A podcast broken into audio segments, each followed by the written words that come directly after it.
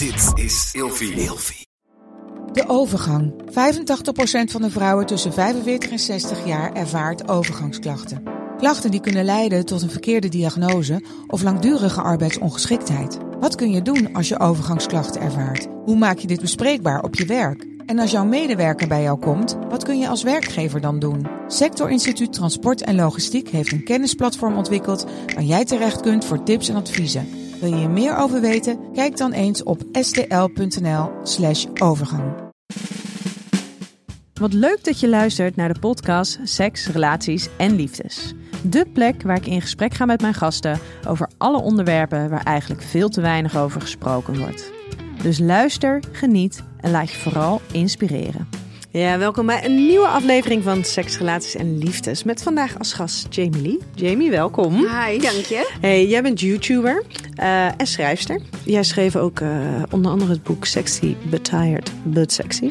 Yes. Ja, een hele, een hele goede naam. um, wij gaan het hebben over uh, het taboe op overspel en het publiekelijk shamen van mensen daarbij.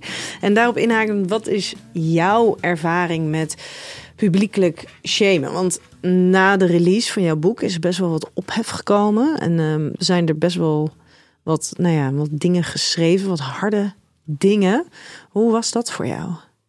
Um, in, ik hou wel echt van in de schijnwerper staan en camera en aandacht. Dus eerst vond ik het wel geinig. Dat ik dacht, hé, hey, er wordt opgepakt. En, maar toen zag ik de negatieve draai en wat dat met je doet. Dus dat vond ik niet zo leuk om mee te maken. Je, je wordt um, paranoia op straat. En je hebt het gevoel dat niemand je begrijpt. En um, je kan ook heel boos worden over dingen die niet kloppen. Dus op een gegeven moment gaan opiniemakers met nieuwsbericht van nieuwsbericht van nieuwsbericht aan de haal. Niemand belt jou op van hey, klopt dit of is mm. dat zo? En dan, dan word je ook weer heel boos. Dus het heeft allerlei fases in je hoofd. En bijvoorbeeld letterlijk mijn lijf. Ik, ging, um, ik kreeg een beetje hartkloppingen in het begin van... Hé, hey, wat spannend dit. En, want telkens als je je telefoon pakt, is er weer een hoop troep op. Ja. Dus Ja. ik vond het een beetje lastig om uh, mee te maken. Maar het heeft ook goede kanten. Ja, maar dat lijkt me fucking ingewikkeld. Dan heb je dus een, een boek en dat wordt uitgebracht. Nou ja, mensen die geen boek hebben geschreven, weten niet hoe kwetsbaar alleen al dat is. Ja. He, dat je dan, en voor jou was het ook nog, zaten er heel veel persoonlijke dingen in. Maar over het algemeen is, is ja, het is, het is je kindje wat je, wat je uitbrengt. Ja. En je ja. bent dan al zo gevoelig voor alle vormen van, nou ja, afwijzing, kritiek. Um, in ieder geval, je bent zo gevoelig ook voor bevestiging. En dan, en dan krijg je dit. Ja, ja. En niet eens gelijk in het begin, maar pas na een paar weken. Ja, het, kwam, het begon na vier weken. Hij zat Ja. vier weken zat, was hij al in de winkel. Wat dus ook bizar is, dat dan ineens. Ja, dat verwacht je helemaal niet. Nee, dan denk je, oh, ik heb de vuurdoop gehad. Ik ben de eerste Ja, weken ja. ben ik soort van. Het loopt lekker en het Precies. gaat gewoon. En dan ineens ehm, krijg je... Ja, bij mij begon met Twitter. Ik, ik twit, doe niks meer op Twitter. En toen had ik een melding van Twitter dat ik dacht... Oeh, er is wat aan de hand. Want ik krijg nooit berichtjes via Twitter. En eh, ja, zo begon het. Dat je denkt, oh, er is wat. Ik- Er is wat gebeurd. Ja. Maar inderdaad, wat je zegt, na vier weken verwacht je dat niet echt. Dus eh dat is even schrikken. Ja. Ja. Hey, en, en hoe kijk je daar nu eh, op terug? Ehm, nou, bijvoorbeeld letterlijk het boek vind ik heel lastig om te lezen. Ja. Omdat ik zelf als persoon ben veranderd. Dus, dus niet de kwesties waar de media over vielen of mensen over vielen, dat, dat niet. Maar dat ik denk, oh, zo sta ik helemaal niet meer in het leven. Dus dat is gewoon het boek aan zich. En ehm, als je het hebt over de ophef die erover was, dan...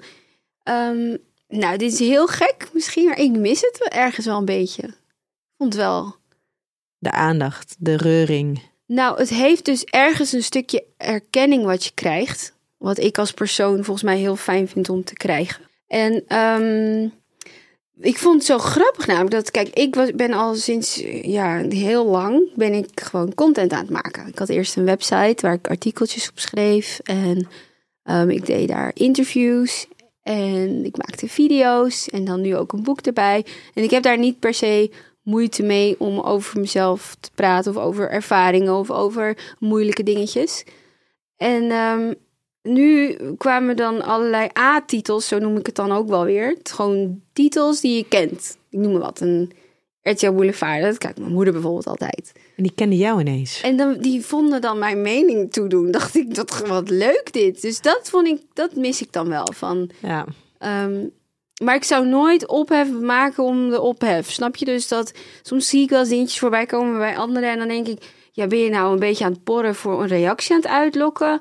Of uh, zeg maar, doe je het expres nu? Of is het, ben je echt zo? Sta je er echt zo in? Want bij mij was het nu natuurlijk niet expres. Nee. Dus ik vond dat stukje wel leuk. Van, oh, mijn, mijn mening doet ertoe. Ja, want dat is inderdaad, hè, voor, voor de luisteraars die het boek niet hebben, hebben gelezen. Het is een boek waarin jij schrijft hoe jij met bepaalde dingen omgaat. Ja. Om ondanks alle, nou ja, een soort van, nou ja, de vermoeidheid, de verplichtingen en alles in het leven, toch nog een beetje sexy in het leven te staan. Een beetje Ja. de balletjes omhoog houden Ja. en een beetje fris door het leven te gaan en zo. Ja, Ehm, dus even heel erg gechargeerd waarschijnlijk. Maar ehm, en er staat dus ook een stukje over seksualiteit. Nou, daar is dus de, de, de godganse mediawereld is daar overheen gevallen. Maar inderdaad, wat je nu zegt, van ja, maar kennelijk was, was jij relevant genoeg ja, dat vond ik dus zo leuk om dat daar dus allemaal Ja. mensen, allemaal programma's daar wat over, Ja, over gingen Ik zeggen. vond dat ook wel een stukje humor hebben van, nou, doe eens normaal, joh. Ja. Als ik eh, ervoor kies om shapewear te dragen, dan dat jullie daar allemaal zo boos over worden. Dat, dat vond ik heel... Ja, who cares? Ja, Who ja, fucking cares? want dat eigenlijk had mijn boek ook gewoon een hartstikke grote disclaimer. Want in het begin zeg ik gewoon van dit is hoe ik het doe. En je moet altijd doen wat je zelf wil. Maar dit is hoe ik het doe. Dus Ja, maar die disclaimer die is zo essentieel voor de context. Ja, maar die Ehm. is niet gedeeld ehm, toen het allemaal begon. Eigenlijk nooit meer. Het boek was, eh, ja, een soort van... eh, daar wilde je dan niet mee gezien worden daarna. Nee, merkte je dat? De verkoop was gedaald daarna. Maar dat was, weten we niet zeker of dat daaraan lag. Want het schijnt ook de, het verloop van een boek te zijn. Dus Ja. dat weten we niet. Ehm, en gewoon in het wereldje dan... Soms weet je van bepaalde mensen dat ze... Ik noem dat altijd woke. Dat ze nogal woke in het leven staan. En dacht ik, oh, die haat mij nu. Want die denkt dat ik antifeministisch ben. En ehm, tegen body positivity. Want dat waren de twee grootste topics die eruit kwamen. Dacht, oh, die, die wil mij helemaal niet meer... eh, die vindt mij nu stom. Nee. Was je bang dat het gevolg zou hebben voor je carrière? Ehm, alleen in het begin, want ik had een hele leuke deal lopen. en, en dacht ik, ja. Oh ja, en ik werd dus paranoia ook met. ehm, bijvoorbeeld, ik weet nog, er was een fotoshoot en toen had. Een merk had iets afgezegd, geloof ik, en een ehm, fotograaf. En het merk was dat, dat. Ik zag ze vliegen, want dat was had er niks mee te maken. Maar die fotograaf had echt gezegd: Ik wil niet met haar werken, want zij is vrouwonvriendelijk. Dus toen dacht ik wel even van: Oh, wow, dat, ja. Als, Als dit alleen nog maar het begin is van wat er dan nog... Ja. ja. ja. Maar aan de andere kant werd je juist weer voor heel veel gevraagd. Van, oh, ehm, we willen haar erbij, want ze heeft een beetje pittige mening. Ja, Dus, ze dus- durft wat te zeggen. Ja, dus het was misschien qua letterlijk geld niet ehm, handig. Maar voor lekker bezig zijn was het weer... eh, is ook wel goed qua Goed. afleiding. ja, Ja. ja. Ja. En ehm, bepaalt het nu hoe jij met dat onderwerp omgaat in, in de media? Ja, ik heb wel nog steeds ehm, littekens ervan of zo. Ik durf niet zo heel veel meer te zeggen. Dus ik let er altijd op dat het dan. Dus het er gaat een soort filter overheen van wat ik vind en voel, is dat mensenproof. Kan iemand zich hier gekwetst door? Terwijl Eigenlijk zul je dat nooit bereiken, denk ik, want er, niet, iedereen staat overal anders in. Maar ik ben wel altijd, eh, ik ben nadat dat gebeurd was, heb ik nooit meer me zo vrij gevoeld. Om Nee. te zeggen wat ik... Of soms dan doe ik wel eens iets en haal ik het weer weg. Ik nee, je hoeft ook niet altijd maar je mening ehm, aan iedereen eh, op te dringen of zo. Maar ik mis het wel een beetje, mijn eigen vrijheid of zo. Een beetje daarin. onbezonnen kunnen zijn. Ja, ja, ja. ja. En was er, was er niemand van jouw redacteuren die had gezegd: Oeh, dit, dit kan wel een reactie gaan uitlokken? Nee, nee, Nee? nee. Even denken. vonden die was- het misschien wel lekker dat er juist hele uitgesproken dingen in stonden. Ja, het valt ook wel mee, hè, wat er stond. Ja, Ik weet niet of je het weet wat er stond, Ja. maar... Dus volgens mij... En, en ja, die lezen het hele boek natuurlijk. Dus die zijn daar niet per se over gevallen. Volgens mij in het tweede boek hadden we iets waarvan ik ook al dacht... Ik weet niet of dit kan. Ik weet niet meer wat het was, hoor. Volgens mij was het een heel klein dingetje. In mijn tweede boek schrijf ik verhalen over... ehm, ja, wat ik meemaak en vooral wat er in mijn hoofd gebeurt. Dus onzekerheid of teleurstelling of blijdschap of um, je opgewonden voelen. En ehm, volgens mij had ik, was ik een verhaal aan het schetsen. Maar in het begin daarvan vertelde ik iets dat de schoonmaakster bij ons bezig was. En dat ik mijn nagels aan het lakken was. Zoiets. Dat ze volgens mij toen dacht, ja, dat, dat, dat, is, dat zet je niet zo neer. Want het, het lijkt een beetje alsof je mensen onder je hebt. een beetje uit de hoogte. Uit de hoogte, ja. Ja. Volgens mij zulke dingetjes, daar gingen we dan in het tweede boek op letten. Maar er was in, in het eerste boek niet echt dat iemand zei van... Oh, dit, dit, dit kan zo niet. Nee. Maar wel zonde dat je maar dat er dan... lezen heel veel mensen mee. Ja, Ja. daarom. ja. Weet je, er zijn zeker zes mensen die, die alles hebben... Ja, en nog, hè, dan, dan zou ik het niet anders hebben opgeschreven. Want ik, ja, ik, eh, ik sta er gewoon zo in, nog Ja. steeds wel, ja. Ja, al is het boek lezen van hoe je toen was niet meer hoe je nu bent. Nee, maar dat heeft meer met ehm, uiterlijke dingetjes te... Uiterlijk, nou, wat, ja, wat wil ik zeggen bij... Bijvoorbeeld, heel, er zit een heel beauty hoofdstuk in. Nou, zo ben ik dus niet meer. Ik had het over nude lipsticks. Dat vind ik nu lelijk. Dat staat ook ergens in het boek van... Het kan zo zijn dat ik dit over een week lelijk vind, hè. Dus dat, of bepaalde dingetjes belangrijk vinden, dat wat, wat ik nu niet meer belangrijk vind. Dus daar, in die zin zou het een heel ander boek worden als ik hetzelfde boek nu zou schrijven. Maar als we het over seks hebben, dan eh, sta ik er gewoon net zo in. Ja, zou je het overwegen om het in het hier en nu nog een keer te herschrijven? Ja, eigenlijk wel. Ik heb, ehm, ik heb eigenlijk al de inhoudsopgave klaar. Het is dus sexy but bored, but sexy. en ehm, ja, dus ik heb, ik, heb een, eh, ik heb wel een idee voor de tweede versie. Dus vijf jaar later is dat eigenlijk. Ehm, en ik heb een inhoudsopgave, maar ik weet niet of ik hem zo helemaal zou kunnen vullen. Want heel veel broeit me ook niet meer.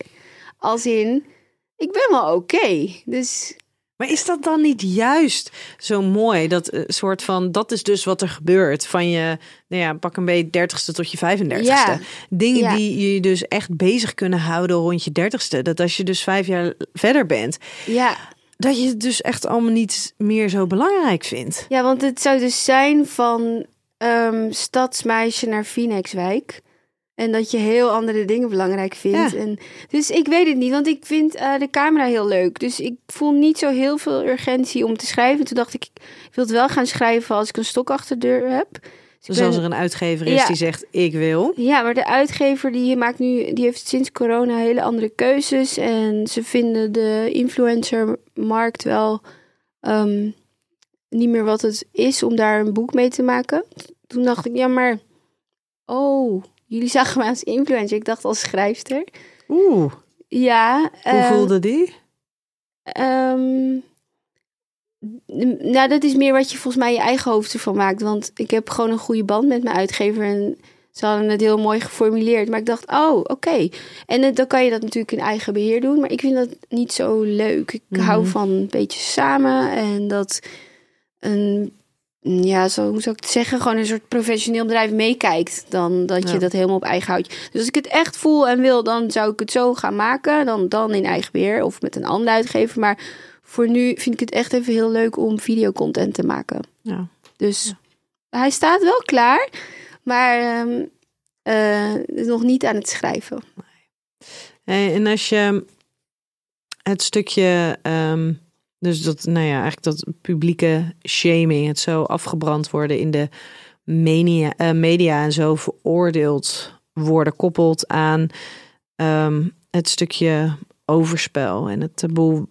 Denk je dat overspel veel meer kapot maakt zodra het publiek goed wordt?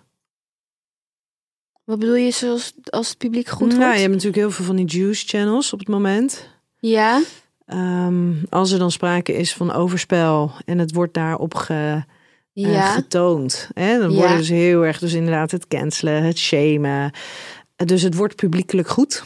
Ja. Denk je dat dat overspel erger maakt? ehm, Dat het meer kapot maakt? Ja, ik ben eerst heel even benieuwd wat jij van overspel vindt aan zich. Ehm, dat is een hele grote vraag. Mm, ik denk namelijk dat het, dat het zoveel lagen heeft dat er niet één simpelweg, één Ja. simpel antwoord op te geven is. Oké, ja, want ik denk overspel ehm, kan heel veel redenen hebben, denk ik. Mhm. Misschien ben je, misschien heb je een soort seksverslaving of aandachtsverslaving en wil je, kan je het niet bij één partner houden. Misschien ben je ongelukkig in je relatie en durf je er geen knoop of eh, hoe noem je dat, een punt achter te zetten en ga je op zoek. Misschien overkomt het je. Misschien zijn we niet gemaakt voor monogamie. Ehm, of misschien kan het ook vooral, ik weet niet hoe vaak het gebeurt bij je buurman of wat dan ook. Maar ehm, ik kan me voorstellen in de, bij bekende mensen dat, er, dat, dat je veel aandacht krijgt. En dat het misschien wat lastiger is om je, om je discipline, om, om je zelfdiscipline in orde te houden. Ehm, En is het gelijk een dan- gebrek aan zelfdiscipline als je elke dag jarenlang aandacht krijgt en er is één moment waarop je ja, aandacht teruggeeft? Ja, en dan komt het tweede ding. Zou het altijd te maken hebben met de partner? Doe je, want ik heb daar een, een stuk over gelezen in mijn lievelingsboek van Wayne Dyer. Hij behandelt overspel en hij heeft me een heel andere blik daarover gegeven. Van, ehm, vaak hoor je dat, stel dat een man vreemd gaat en de vrouw komt erachter, of het is gedeeld dat hij dat heeft opgebiecht, dan is er een, is, is de relatie heeft een soort van eh, ehm, ehm, hoe noem je dat als het ja, beschadiging opgelopen. En dan is het vaak lastig om daar overheen te komen, want er is iets kapot, een stukje vertrouwen en, en eh, het voelt niet fijn dat dat gebeurd is. En dan hoor je vaak, waarom heb jij mij dat aangedaan? En ik vraag me heel erg af, doe je het echt je partner aan? Want dit lijkt mij dat je niet per se denkt, nou weet je wat, ik ga vandaag eens even Ik lekker ga mijn cheaten. partner kwetsen. Want ik ga hem even, even kwetsen. Dat wil ik. En zou het ook kunnen dat je ehm, dat, naast, dat het eigenlijk naast elkaar loopt? Dus daarom vind ik het weer lastig als, als dat uitkomt, dat dan mensen die daar niks over weten over die relatie, dat die dan puur dat stukje pakken van hier, een ka hier camerabeelden of hier een DM, ehm, die en die gaat vreemd. En dat dan de publieke mening is natuurlijk vaak negatief daarover. Mhm. Van dat doe je niet. En, eh, en dat misschien iets wat niet kapot had hoeven zijn, toch extra kapot gaat doordat, ja, doordat iedereen zich ermee bemoeit. Dus Ja. ik vind dat wel heel lastig. Misschien kan je er samen uitkomen. Of, ehm, en doordat iedereen zich ermee bemo- ging bemoeien, dan niet. Ja, dus als ik aan jou inderdaad zou vragen, denk je dat overspel veel meer kapot maakt zodra het publiek goed wordt? Zeg jij dus eigenlijk, ja, waarschijnlijk wel. Ja. Want Maar wat ik ook wel vind, ehm, stel dat eh, stel je bent het slachtoffer van geshamed worden op een juice channel en je gaat zeggen van ehm, hoe kan je jezelf in de spiegel aankijken dat je mij exposed of wat dan ook. Ehm, dan denk ik, ja, maar het zijn wel nog altijd jouw daden en ehm, dit is de verantwoordelijkheid die, daar, die je dan wel. Mm, is dat zo? Is het, Ja, ja, je- hoort dat bij de verantwoordelijkheid? wel van het vreemd gaan, denk ik. Ja. Ja, Maar is dat, of ligt de verantwoord daarbij het verantwoorden naar, naar de media en naar het publiek? Of ligt jouw verantwoording bij je partner en bij je misschien gezin? Ehm, zodra je denk ik gaat zeggen van jij doet mij dit aan door dat te delen, denk ik ja, maar als je niet had gecheat was het ook niet gedeeld. Dus het is niet chic. Ik zou, ik vind dat het niet aan hen is om het te publiekelijk te maken of zo van die rellen te stichten, om het maar zo te zeggen, online relletjes. Maar het, je hebt nog wel zelf dat gedaan. En Ja, dat is wel je verantwoordelijkheid. Maar welke verantwoordelijkheid neemt dan in jouw beleving? Of wat, wat draagt degene die het deelt bij? Die, ehm, Is dat een Dat soort van een soort Robin van- Hood die opkomt voor... Nee, nee, je bent denk ik wel echt heel naar bezig. Je hebt daar niks over te zeggen. Je moet je daar gewoon niet mee bemoeien. Maar het feit dat het kan gebeuren, dat, dat mensen zich ermee gaan bemoeien, dat is het soort van risico. Een, een soort risico wat bij overspel hoort, denk ik. Vind je dat niet? Ja, maar ik vind, oh, ik vind het wel een heel heftig risico. Als dat is wat je risico is. Wat nou als iemand me op social media... Weet je, hoe, in wat voor mega onveilige wereld leven we dan? We hebben het toch over het risico dat jouw vreemd gaan Exposed wordt. aan het licht komt. Ja, maar Ja. en dan vervolgens dus echt publiekelijk aan het licht komt. Dus dat wordt gedeeld en dat kan zijn, weet je, eh, als je als je, als je een bekend iemand bent, gebeeld het op social media op het moment dat je, Ja. nou ja, daar of je bijvoorbeeld op de juice channels, als je daar niet toe relevant bent, dat, nou ja, dat er misschien wel vrienden of, of nou ja, ik weet niet of het dan vrienden zijn per se, maar dat er andere mensen zijn die dat dus aan het licht gaat brengen. Ja, en dat dan, is super kut en dat hoor je niet te doen. Maar het is nou eenmaal het risico. Wat, ik, weet je nog die beelden van ehm, Jolante en Wesley in de garage? Ja. Ken je die nog? Ja. Kijk, je, je bent al, volgens mij had hij ook een partner toen. Ze hadden allebei partners. Volgens mij, zij ging met Jan Smit, toch? Dacht ik toen. Eh, Ik weet eigenlijk Ja, niet. Maar ik, volgens mij oeh, waren dat ze, is heel lang geleden. Ik zat ergens, dacht ik, ze waren die niet toen al of samen. waren ze is- single al? Ik weet het niet. Hmm, maar ja. goed, beelden werden gedeeld. Beelden werden gedeeld. Nou, nee, maar ja, het is wel even belangrijk dat ze nog bezet waren. Want anders klopt mijn verhaal niet. Maar het, kijk, stel je gaat vreemd en je gaat in een, in een garage lopen zoenen. Dan, dan weet is je ook toch... niet heel slim. Je weet van, oké, we hebben zin nu om te zoenen. En dit, dit, dit, dit is passie en we hebben zin in elkaar. Ja. Dus blijkbaar een, een vonk. Maar je, je, je loopt dan wel een risico dat je dus zeg maar buiten bent. Niet letterlijk buiten. Maar, en dat er eventueel camera's kunnen hangen. Dat is toch het risico wat er een Ja, beetje bij wat, hoort. Wat gaat, wie geeft dan iemand het recht om dat te gaan delen op social media of op sites als Ja, Dumpert of Geen Stijl Gewoon of niet. wat dan ook? helemaal niet. Dat, dat recht heb je niet. Weet je, als je, als je kijkt, als je hem eventjes naar, naar, naar jouw situatie ehm, vertaalt, dus inderdaad het publieke shamen, het publieke, eh, dus iemand met een platform die gaat jou van alles aanrekenen. Die heeft een Ja. oordeel over ja, jou. Een gekleurde, gekleurde heeft niet de hele, letterlijk bij jou. Het gaat over een paar regels uit het boek. Niet eens de gehele context uit het boek. Ehm, de nuances laten ze eruit weg. Patsboom, dit is wat er is.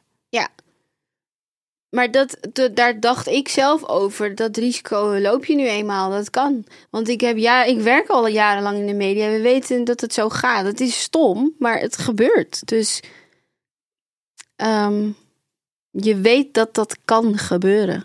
Dat er dingen uit context worden gehaald. Dat mensen ergens iets van vinden. En ze houden echt geen rekening met je gevoel. Dat is heel zuur, maar het gebeurt wel. Het is wel erg, ja. Want het, het is eigenlijk heel simpel, toch? Dat een soort op tegeltje van eh, leven en laat leven. Ja. Dat, dat zo zijn we dus hier kennelijk niet. Waarom zou iemand dan nog in de media willen zijn, voorkomen? Ik denk als je echt ervan houdt dat je mooie dingen wilt maken. En wat is dan, waar houd je dan van? Als je dus van het vak houdt, iets maken in de media. ehm, stel het is een mooi programma. Of eh, je, je houdt van fotografie maken voor tijdschriften. Of je, je houdt van schrijven. Dat je daar echt van houdt. Dan ga je er gewoon mee door. Hoe lelijk dat wereldje ook kan zijn. Dat denk ik. Denk je dat die mensen er echt nog bij zitten? Of dat er wel echt een verschil daarin is tussen mensen die daar echt heel erg van houden en ehm, dus onbedoeld in de media terechtkomen, gewoon simpelweg door wat ze creëren, waar ze echt heel veel passie voor hebben en mensen die gewoon heel graag in de media gezien willen worden? Dat, het, dat die twee allebei er zijn, bedoel je ja, die twee dat dat wel groepen? echt twee verschillende groepen Ja, zijn. dat denk ik wel. Ja. Sommigen willen natuurlijk, denk ik, ook gewoon aandacht. Denk je niet? Ja. Weet jij waarom een mens aandacht wil? Nou, in, in de, een van onze basisbehoeften is natuurlijk gewoon, nou ja, niet in basis primaire behoeften zoals eten en drinken, maar eh, vrij snel in het rijtje met behoeftes die we hebben, is wel gezien worden. Erkenning krijgen. Ja, die erkenning. En daar zit, dat, dat loopt dan ook een beetje door in dat aandacht krijgen. En op het moment, zeker als jij ehm, dus heel veel externe bevestiging nodig hebt om ehm, te zijn wie je bent, om te voelen, ik ben van betekenis toe, ik ben relevant, ik doe ertoe, dan is in de schijnwerper staan voor heel veel mensen heel prettig. Alleen, Maar denk je dat dat altijd te herleiden is naar hoe je jeugd was? Nee, ze- altijd en nooit zijn natuurlijk sowieso gevaarlijke woorden, maar er zijn wel Vaak. vaak, vaak, zie je dat wel terug. Alleen hoe die lijntjes dan lopen zijn niet zo rechtlijnig. Weet je, het kan een afwezige vader zijn. Het kan de, dat je de jongste uit het gezin bent. Het kan dat je eh, altijd het gevoel hebt dat je extra hard je best hebt moeten doen, dat het nooit goed genoeg was. Of dat je altijd het gevoel had dat iedereen om je heen succesvol was, maar jij niet. Weet je, dus het is heel, Ja. heel, af, ja, heel verschillend. nou, het is echt niet zo zwart-wit. Nee, zeker Nee. niet. Zeker niet. En, en de uitkomst is misschien wel dan hetzelfde. Namelijk, ik, ik heb die aandacht nodig. Ik heb bevestiging nodig van anderen om, om te voelen dat ik leef. Om Ja. te voelen dat ik ertoe doe. Ja, Ehm, maar de route daar naartoe, die kan onwijs eh, verschillend zijn. Ja, die loopt heel erg anders. En het risico alleen is wel dat, dat en dat zie je misschien ook wel heel erg in, in sociale, eh, sociale media. Dus zeggen hè, de traditionele media, maar ook de, de, de nieuwere media. Het is allemaal zo. ehm, het werkt zo in ook op je, op je dopamine systeem. Dus je krijgt die kick van gezien worden ja. voelen dat je leeft. En daarna voelt het zo leeg. Het, was, het is ook zo kort steeds. Ja. Ja. Je Ja. zou eigenlijk het als extra moeten hebben. Ja, Dus je basis. Je basis is oké. Je bent gewoon oké met jezelf. En als je wat extra's krijgt, een like of een mooie view, ja, dan Dus als je- als komt je- dat erbij. dus als je, als je een, een, een, een, een boek schrijft of een programma maakt, dat je gewoon in de basis weet, weet je, ik weet waar ik voor sta en ik weet wie ik ben. Maar op het moment dat je dan vanuit dat gevoel iets maakt en het wordt dan gewaardeerd, Ja, dat is toch dat de way je dan to go. helemaal gaat vliegen. Ja, ja. ja. Dat, dat dat het probeer ook- ik mijn kinderen heel erg mee te geven. Want die zijn heel erg bezig met... Oh, maar dat was niks, want die had geen views. Of deze is vet, want er veel views. Denk ik, Dat is niet waar het om gaat, nee, hè? je moet gewoon ehm, doen wat je leuk vindt. Het is- zo'n cliché, maar het is wel zo. Ja, maar dan moet je wel iets vinden wat je leuk vindt. Ja, En daar ligt natuurlijk ook heel veel druk op. ja. Dat is Wat als je vind het- ik leuk? Ja, en ik weet nog, ik las daar iets heel moois. Was ik een, een, een, een- ik zat in een, een, ik weet niet eens meer wat het was, maar van de School of Life zat ik in een eh, eh, programma eh, met Elizabeth Gilbert, de schrijfster van Eat, Pray, Love. Oh ja. En die vertelde dus over de purpose in life. En dat we zoveel druk leggen op het vinden van de purpose in life. En daarvoor gaan. En dat dat iets is wat nu heel erg leeft. We moeten allemaal iets hebben waar we in accelereren. Waar we vol passie en overgave over Ja. kunnen vertellen. Of over in kunnen werken. Terwijl je weet niet wat die purpose in life is. En die ga je niet zomaar eh, vinden als je er hard naar op zoek gaat. ja. Weet je, als je En echt hij een purpose hebt. Ja, en als je dus echt, er zijn wel mensen die hebben echt het gevoel van wow, dit is, dit is het. ja. Maar dat is maar een relatief klein, klein percentage van de mensen die dat, die dat zo tegenkomt. ja. En dat de rest, ja, die, die zal daar, die zal purpose in andere dingen moeten zoeken.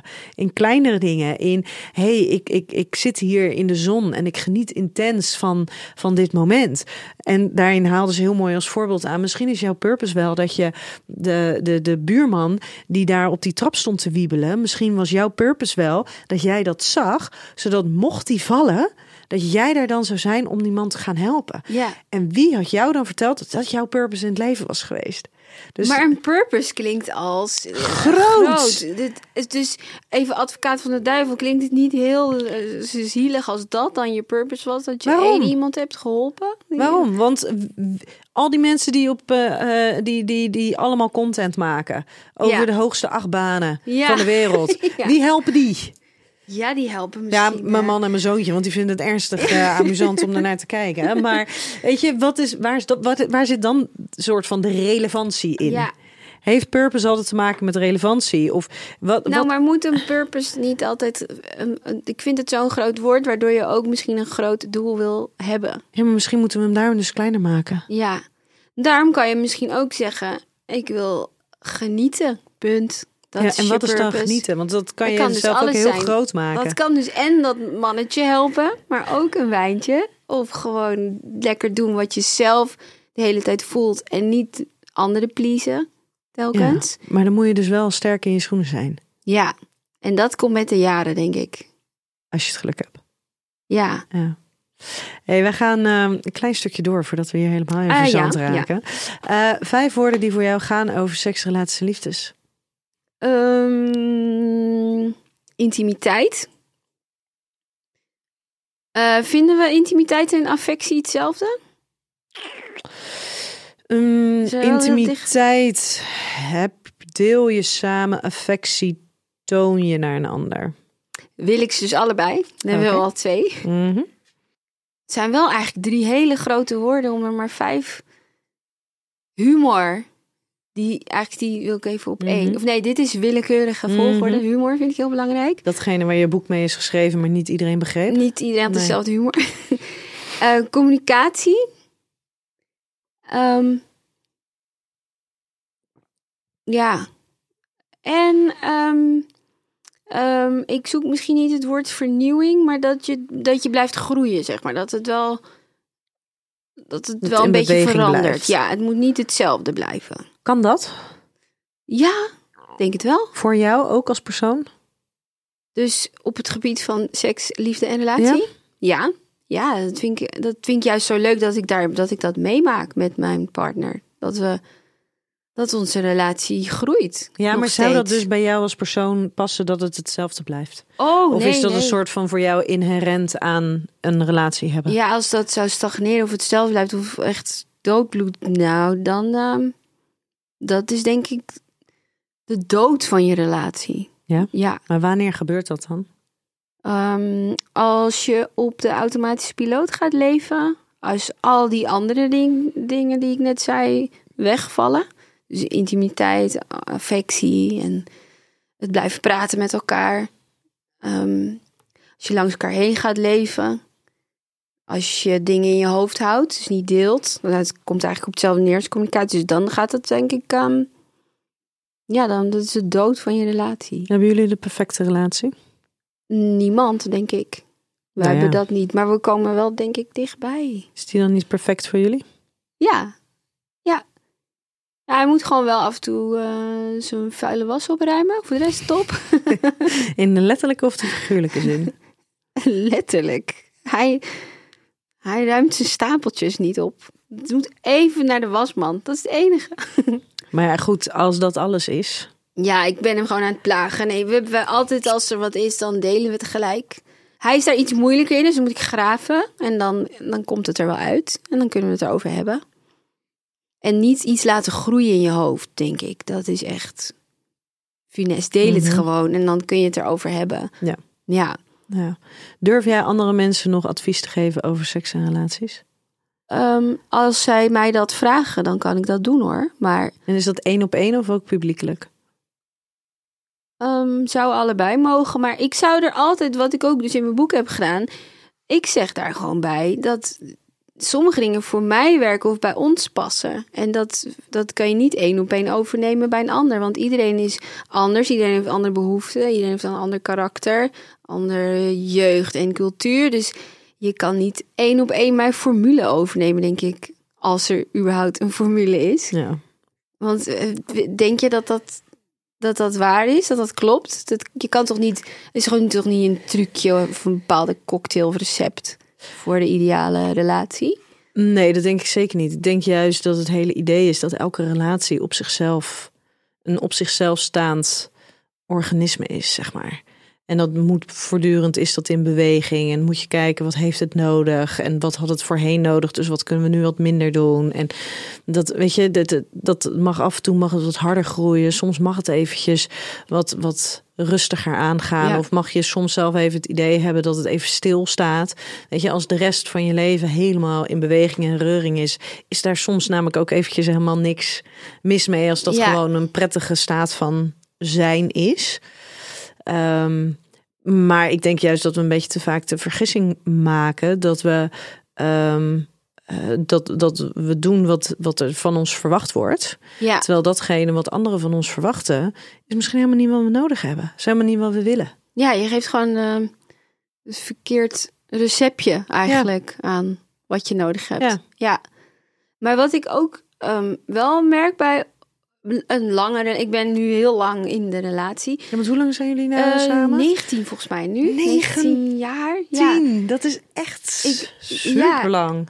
dat is echt lang. En dan daar, dat hebben we het gewoon, dan kunnen we gewoon delen met elkaar. Dus dat we dan vinden van, ehm, we zijn blij dat we elkaar hebben en dat, dat we wel eens van dichtbij zien hoe dat nu werkt in de dating scene. Dat, dat je dat niet per se zou willen. Van, ehm, die is stom, dat werkte niet, die is raar. En dat je maar niet jouw eh, match vindt. Als je eventueel op zoek gaat. Sommigen gaan helemaal niet op zoek.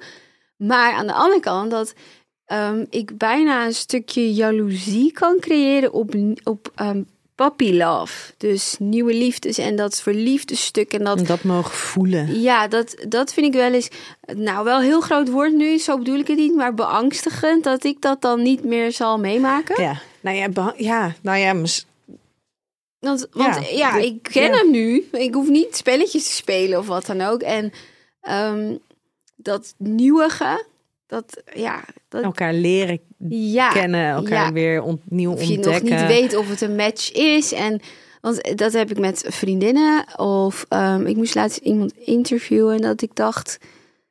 Die, er was zoiets van, eh, ja, wat ga je nog straks doen? En dan, dan, dan ging diegene afspreken met iemand. En dan dacht ik, zo leuk, die doen nog dat. Want ik heb dat dus niet gehad, dat datingstuk. Want wij waren 16. Ja, dus dat is heel anders dan wanneer je volwassen Ja, bent. Dus ik heb nooit een drankje met hem gedaan. Als in van dat het lekker awkward misschien nog was. Of eh, ehm, Of dat je die, die hele soort van die, die seksuele aantrekkingskracht begon te voelen en zo, terwijl je daar ergens in een club stond. juist, ja, Ja. de, die eigenlijk die volwassen dating elementen.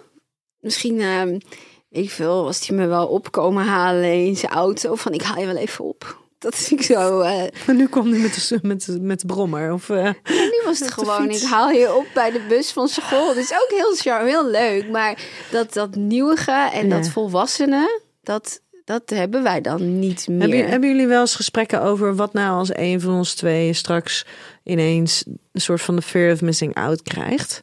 En want je hebt heel veel mensen die komen in zo'n dertigers dilemma. Die voelen op een gegeven moment van ja, shit, ik ben, hè, ik ben dankbaar voor wat ik, wat ik heb. Ja. En, en, en ik hou van mijn partner. En dus niet eens zozeer er is iets mis.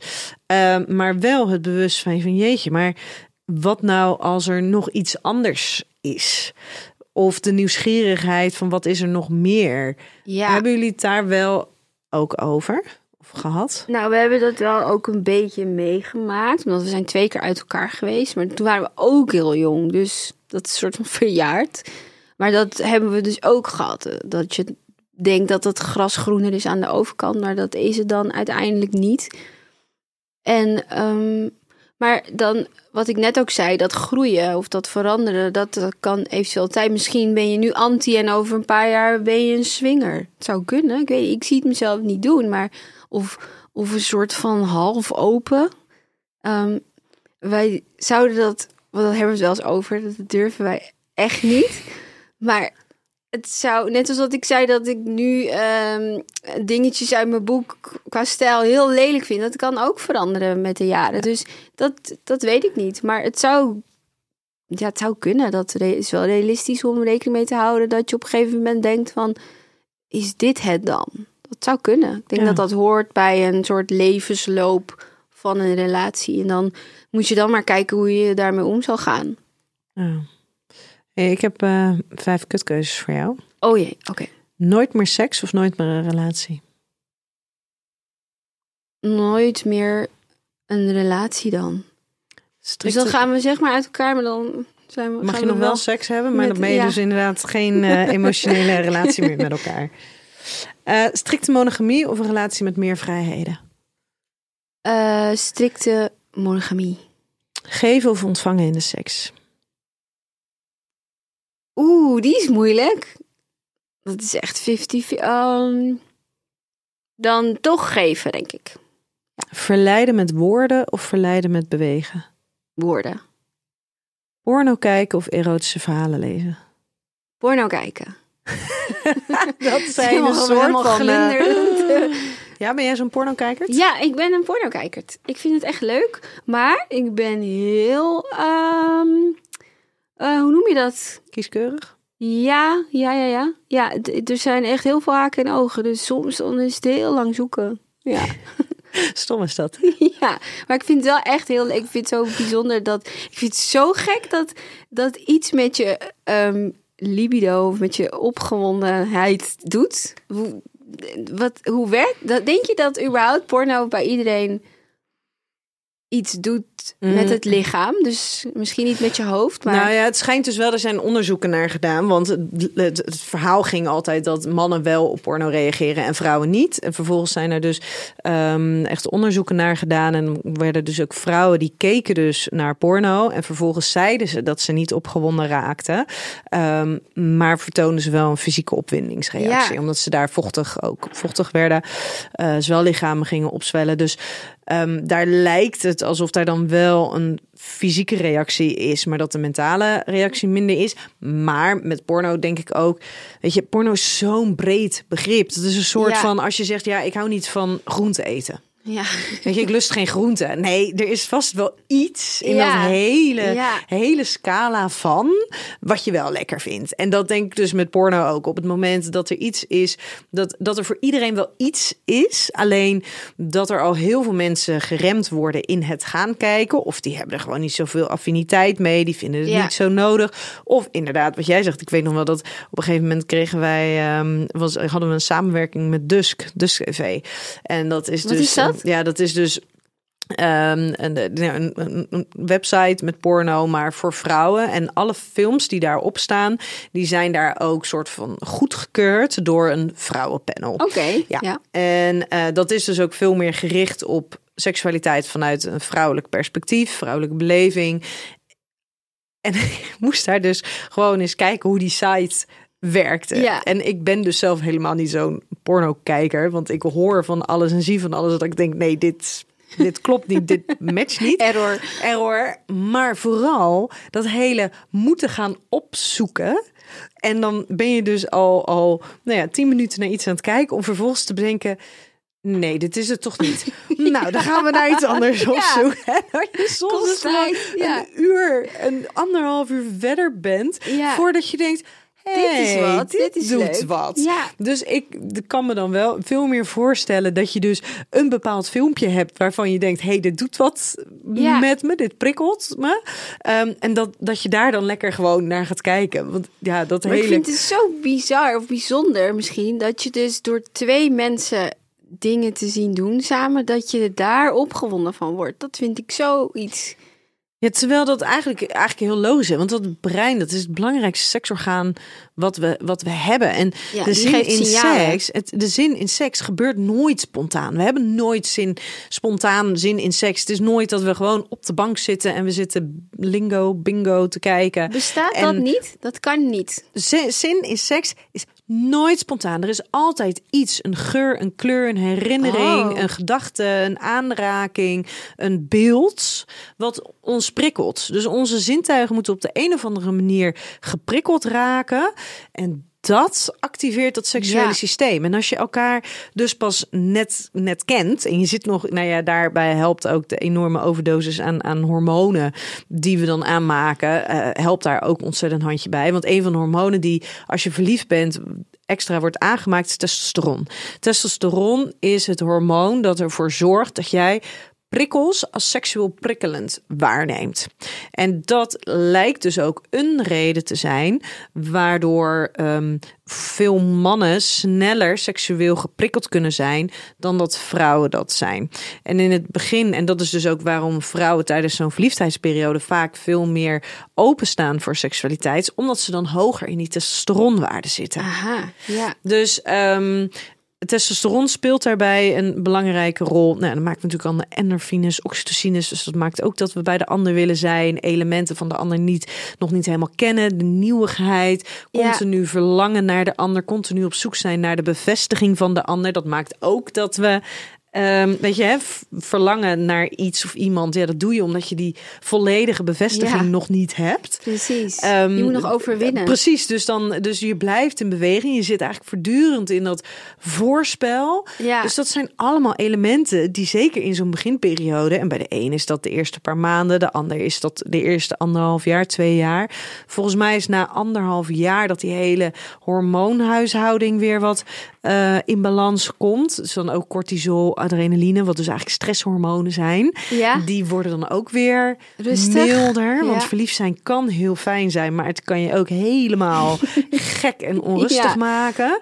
Ehm, en dan na anderhalf jaar, dan balanceert dat allemaal weer een beetje uit. En dan merken ook veel mensen dat er wel een verandering komt in ook in dat stukje seksualiteit weer. ja.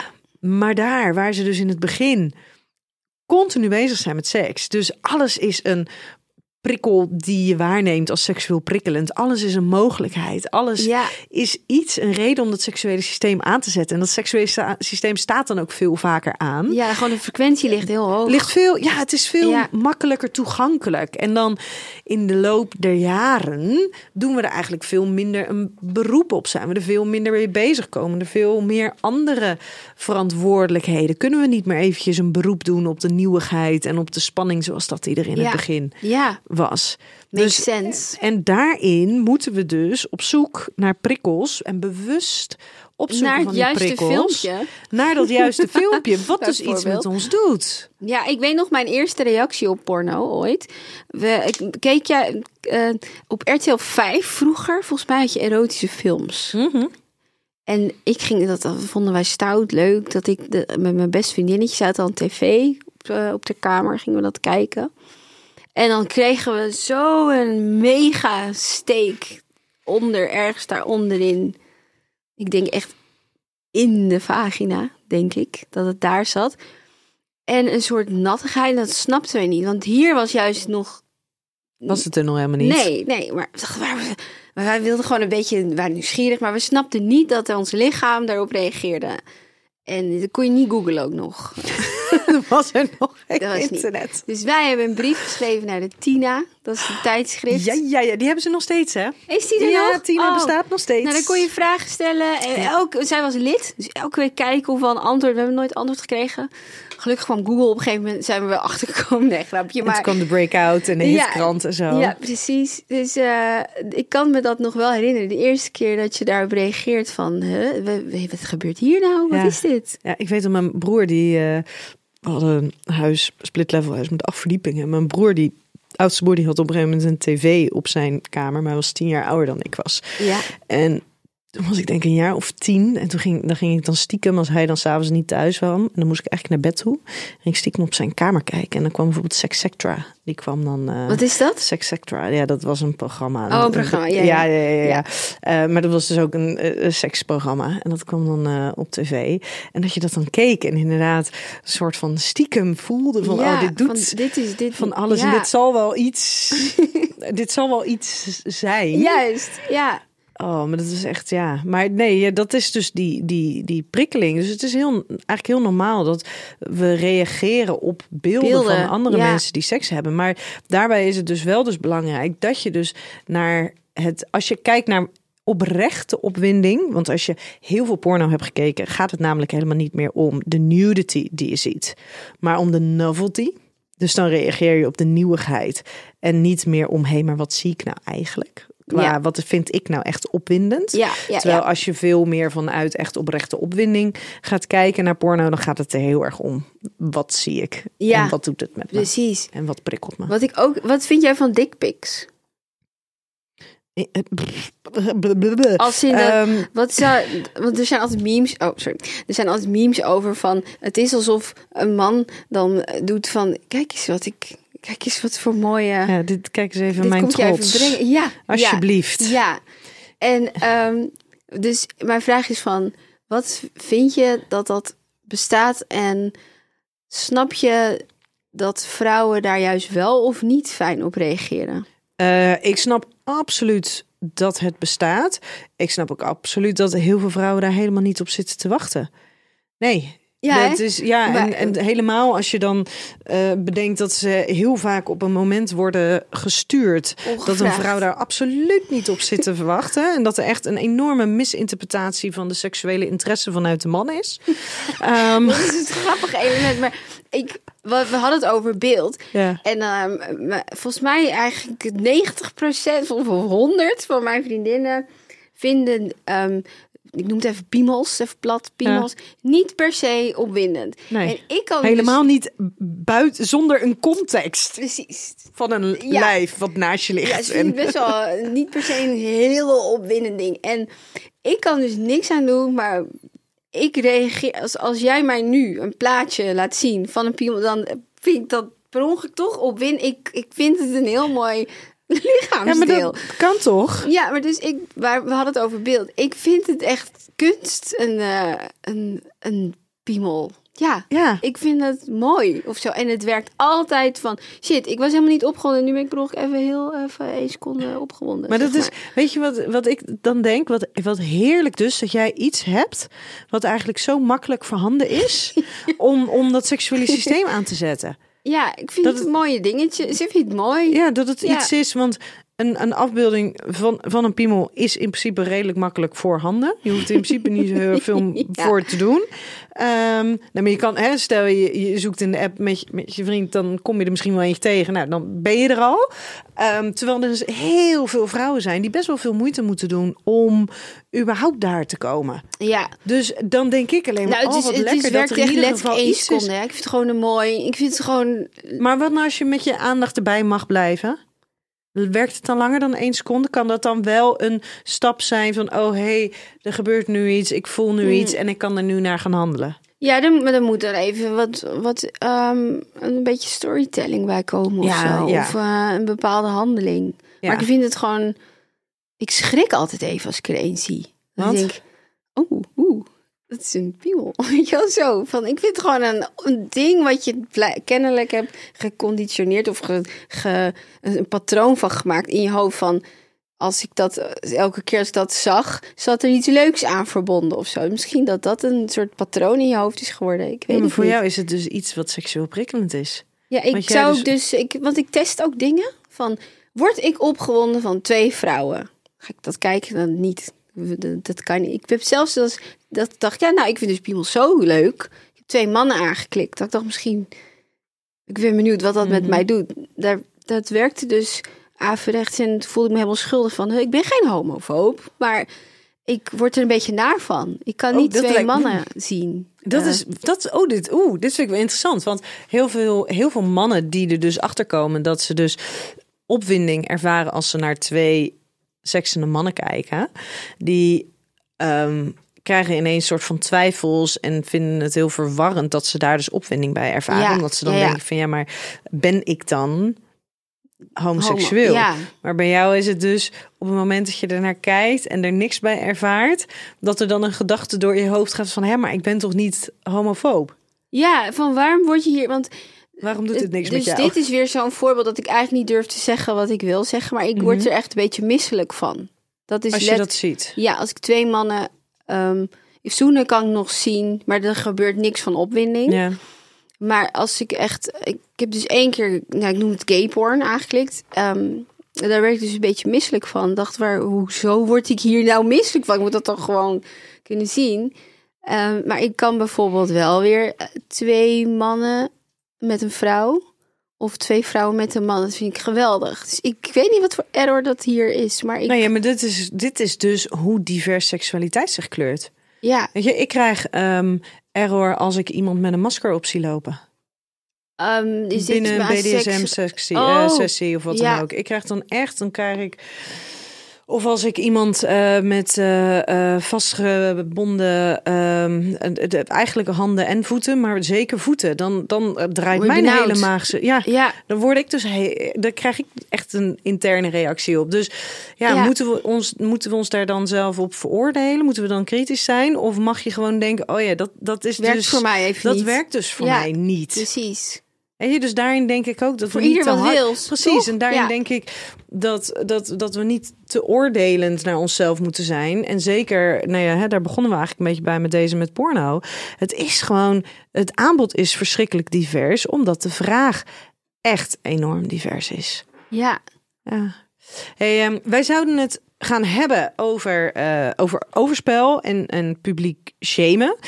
Wa- waarom is dit nou zo'n onderwerp wat jou nou ja, dan wel raakt of integreert? Dat je...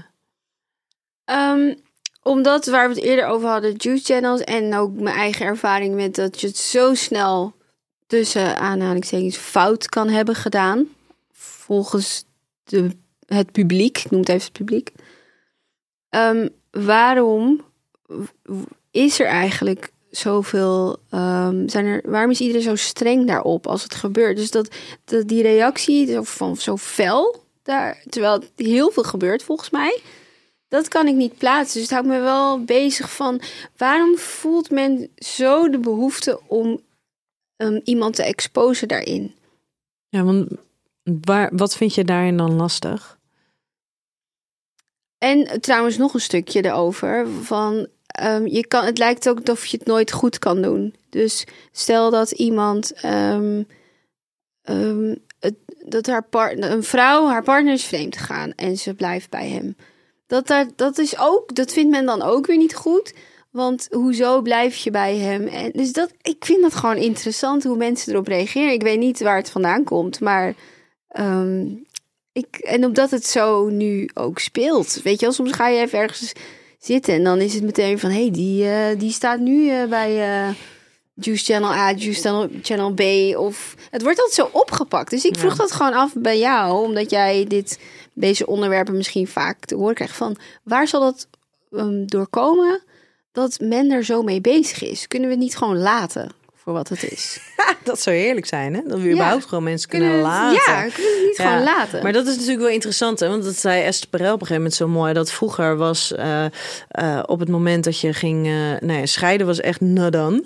Weet je, als je partner vreemd ging, ja, dan, dan werd daar niet over gesproken. En dan, dan, dan leerde je daar gewoon mee doorgaan. Terwijl nu, als je dus blijft... Ja. Nadat iemand is vreemd gegaan, dat dat ineens done is. Ja. He, want waarom zou je daarvoor kiezen als je ook, um, nou ja, als je, als je onafhankelijk genoeg bent om ook weg te kunnen gaan? Ja. Terwijl er is vaak zoveel om voor te blijven. Ja. Weet je, je hebt het over, over zoveel eh, gedeeld leven met elkaar. Over kinderen, over banen, over huizen, over financiële uh, situaties, herinneringen, vrienden, familie. Weet je, er is zoveel om voor te blijven. Maar zo... En het vreemdgaan hoeft toch ook niet altijd iets te maken. Um, is het altijd een is het altijd meteen dat je relatie dan shit is. Nee, het en kan ik toch denk, los van elkaar staan? Zeker, en ik denk dat dat een van de grootste misopvattingen is... die het heel ingewikkeld maken voor beide partners wel. Want heel ga, vraag gaat, heel vaak gaat vreemd gaan... gaat eigenlijk gewoon over de ik. Ja. Ik die iets wil, ik die iets nodig heeft... ik die in de gelegenheid is om... ik die in een verleidelijke situatie uh, is. Ik die nieuwsgierig is. Ik die ergens een stukje geprikkeld wordt. Um, en daar gehoor aan geeft. En dat heeft, dat is, nee, je hebt het ook al net eerder gezegd. Dat heeft niks te maken met ik ga degene van wie ik hou, die ga ik bewust pijn doen. Ja. Want die verdient dit. Of mijn relatie is zo slecht dat hij hier nou ja, beter gaat, van gaat worden. Of mijn relatie is zo slecht dat, die, dat het niet uitmaakt wat ik doe. Nee, dat gaat, daar gaat het helemaal niet om. Nee, het gaat... Het gaat over om, ik ja. en over jij als individueel persoon die, die iets nodig heeft. En het is natuurlijk, we leven daar in een hele gekke wereld waarin we zo, zo verschrikkelijk veel verlangen van onze partner. En onze partner moet in zoveel dingen voldoen. Dat is simpelweg niet. Dat is onmogelijk. Als mijn partner ook zou vreemd gaan, dan heb ik ook tegen hem gezegd van liever niet hè, niet doen hè. Maar als dat zo zou zijn, wil ik dat dus echt niet weten. Niet. Nee. Maar Nee. wat nou als jij dit dus met hem afspreekt, hè? En ehm, jij spreekt af, als je, het, als je het doet, dan wil ik het niet van je weten. Maar het komt ergens, komt het in de media naar voren. Ja, dat, dat vind ik heel kut, want ik wilde het niet weten. Nee. Ja, En vervolgens... is rond, hè? En vervolgens... Over waar we het net over hadden, ja. Maar vervolgens is het dus ook nog eens zo dat... ehm, en jij wilde het niet weten, maar nu moet je er dus iets mee. Ja, dat zou ik vreselijk vinden. Want en de hele wereld weet het. Daarom zeg ik, Plus je het is weet echt van niet hem. aan hen om zich ermee te bemoeien. Want ehm, ik wilde het niet weten. En Nee. want, want dan ga ik me dus inderdaad heel kut voelen, denk ik. En een, mijn clown voelen van... Huh, we, ehm, ik, ik wilde hier niks mee te maken hebben. En nu ben ik er door anderen ingetrokken, zeg maar. En dan wordt, gaat daardoor iets moois kapot. Ja, iets wat... Wat ik- Dus eigenlijk ja. ook al had hij zich al zo gedragen, had hij dat al gedaan. Maar dan had het nog steeds mooi tussen jullie kunnen zijn. Ja, ja, precies. Of, oké, stel hij gaat eh, vreemd en ehm, ik merk dat niet. Ik heb het nog fijn met hem en ik, Precies, dus jullie zijn niks nog is mooi. verdacht. Ook dat Ja. ik denk, nou, hij is wel heel laat. Er is niks. En dan kom ik dan achter dat het toch zo was via een andere weg. Ik weet het niet. Het kan ook zo zijn dat een vriendin je opbelt van, hé, hey, ik zag hem. Ik weet niet, hè, ik noem maar wat. Dan zou ik het echt heel kut vinden, want ik had het mooi. En nou, nou heb ik dat dan niet, want Nu moet je er iets nu, mee. nu moet ik er iets mee. Ja. Want als ik het schets in mijn hoofd, hij met iemand anders, hm, vind ik niet leuk. Ik wil dat, daarom zeg ik, ik wil het niet weten. Ik wil het liever helemaal niet, maar als het, wat voor ik-reden waar we het net ook hadden, wel gebeurt, I don't want to know. Nou ja. En dan ben ik benieuwd, hè? Want ik heb een aantal stellingen. Schaamte rondom overspel houdt overspel in stand. Oeh, die is interessant. Ik denk dat er wel wat in zit, ja. Want als iedereen ehm, wat meer open-minded zou denken over overspel in plaats van rechtertje spelen, dan zou het een stille dood. Er zou er niemand eh, naar omkijken van ja, Jantje is vreemd gaan, ja, boeien. Dus ik denk dat ik denk dat ik het eens ben met deze stelling. Ja.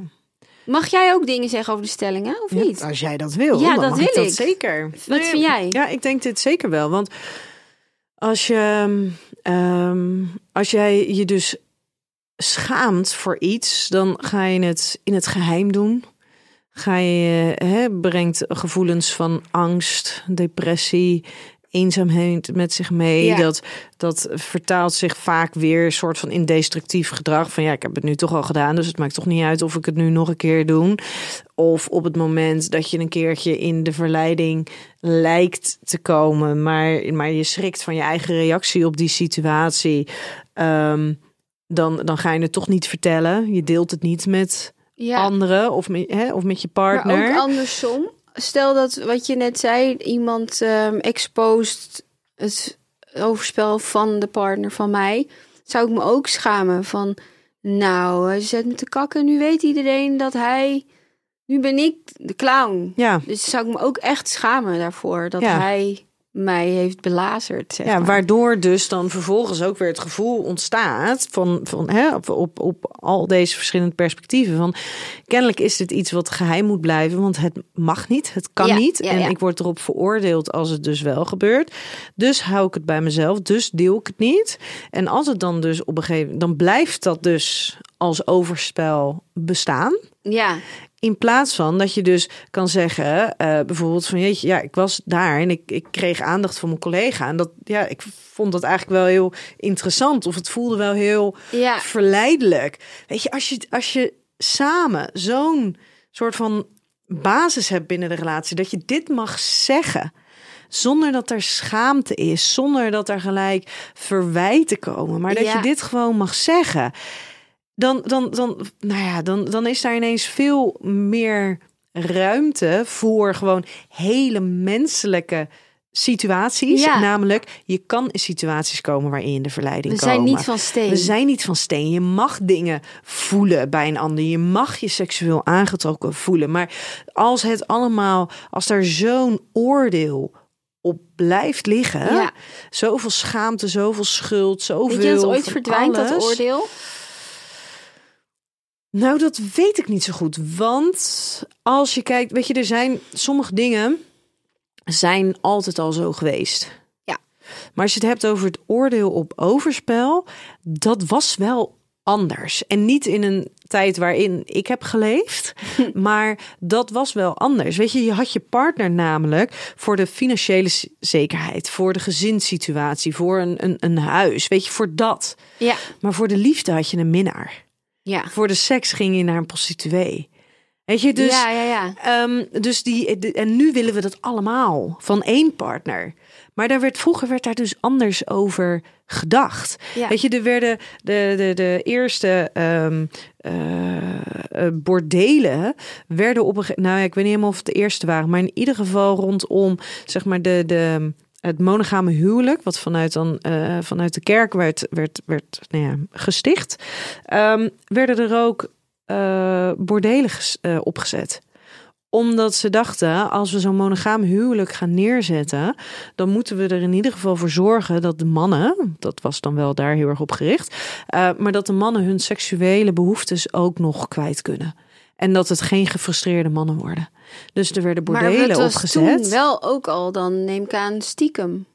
Ehm, ja, maar het, het was dus wel dat die, die bordelen waren er. Ja. En die werden vanuit de kerk werden ze opgericht. Ja, bizar. Want het is toch juist volgens de kerk dat je in de monogaam, blijven- ja. aan je partner. Ja, Ja, Dus het is heel, heel interessant, zeg maar, hoe dat dus door de jaren heen ehm, de, heeft gewerkt. En daarin denk ik dus, bij sommige dingen denk ik van nee, dit heeft altijd. Heeft het al op een bepaalde manier gewerkt? Hè? Als je het hebt over hoe kijken we naar mannen en vrouwen. En ja, daar zijn altijd al verschillen geweest. En ik denk ook dat daar altijd verschillen zullen blijven. ja. Ehm, we zullen nooit de mens als, als één gaan zien, zeg maar. Dat zal altijd verschil in blijven. Maar hierin denk ik, ja, het zou me niets verbazen als dit wel weer anders wordt. Het, het, nou ja, het Dat gevoel het toch van fluctueert hoe dat... ehm, ja, welke betekenis we eraan geven. Ja. ja. En dat er nu natuurlijk ook al best wel veel mensen zijn die, die worden er wat milder in. Of die kunnen in ieder geval uitspreken. ehm, het is niet zo zwart-wit. Ja, maar waarom is er dan toch... Stel, ehm, ehm, ben jij net je A gaat vreemd, dan is er meteen daaronder, onder de foto, heel Nederland, goorlap. Ja, maar weet je, dat is toch met alles? Ja, Dat is toch met alles? nou ja. Ja. En we gaan heel Nee, lekker op het zwart maken. denk ik. Ja, maar het, het- we gaan natuurlijk extra lekker op Ja. het zwart maken van anderen. Dat is eigenlijk het overkoepelende stuk. Ja, dat is het gemeenschappelijk. Het zwart Omdat je maken. jezelf dan misschien een stukje beter voelt, Ja. is dat... eh, Ja. ja. Dat is vaak. Weet je, waarom leveren we kritiek op een ander? Zodat we op dat moment even kunnen voelen Ja. dat wij dat zelf niet hebben gedaan. En dat wij dus ja, zelf ietsjes beter zijn. Ja. Dat, dat, dat dat zo werkt. ja. Nou ja, dan ben ik benieuwd. Want ik heb dus de volgende. Oké, ja. Ehm, Juice channels maken de schade en schaamte rondom overspel niet groter. Niet groter. Dat is... Ze maken het juist heel groot, heb ik het idee. Is dit een... Is, eh, zie ik dit verkeerd? Maar ik dacht, anders is het ook zo saai als we allemaal eh, ja, ja, ja stellingen ja, ja hebben. oké. Nee, die maken het huge, denk ik. Ja. En, en ook, oh, dat vind ik ook erg. Het- Ze maken het niet alleen groter, maar ook, ehm, ik zoek een woord. Welk woord zoek ik? Dat het, dat het niet boeit, hè? Dus dat er, het bijna, ik, ik, haal, ik wil haar naam niet noemen. Mhm. Ik ga iemands naam niet noemen. Maar diegene doet altijd een lachpoppetje erbij. Een, een, een smile. En denk ik, ah, maar dit is nu exposed.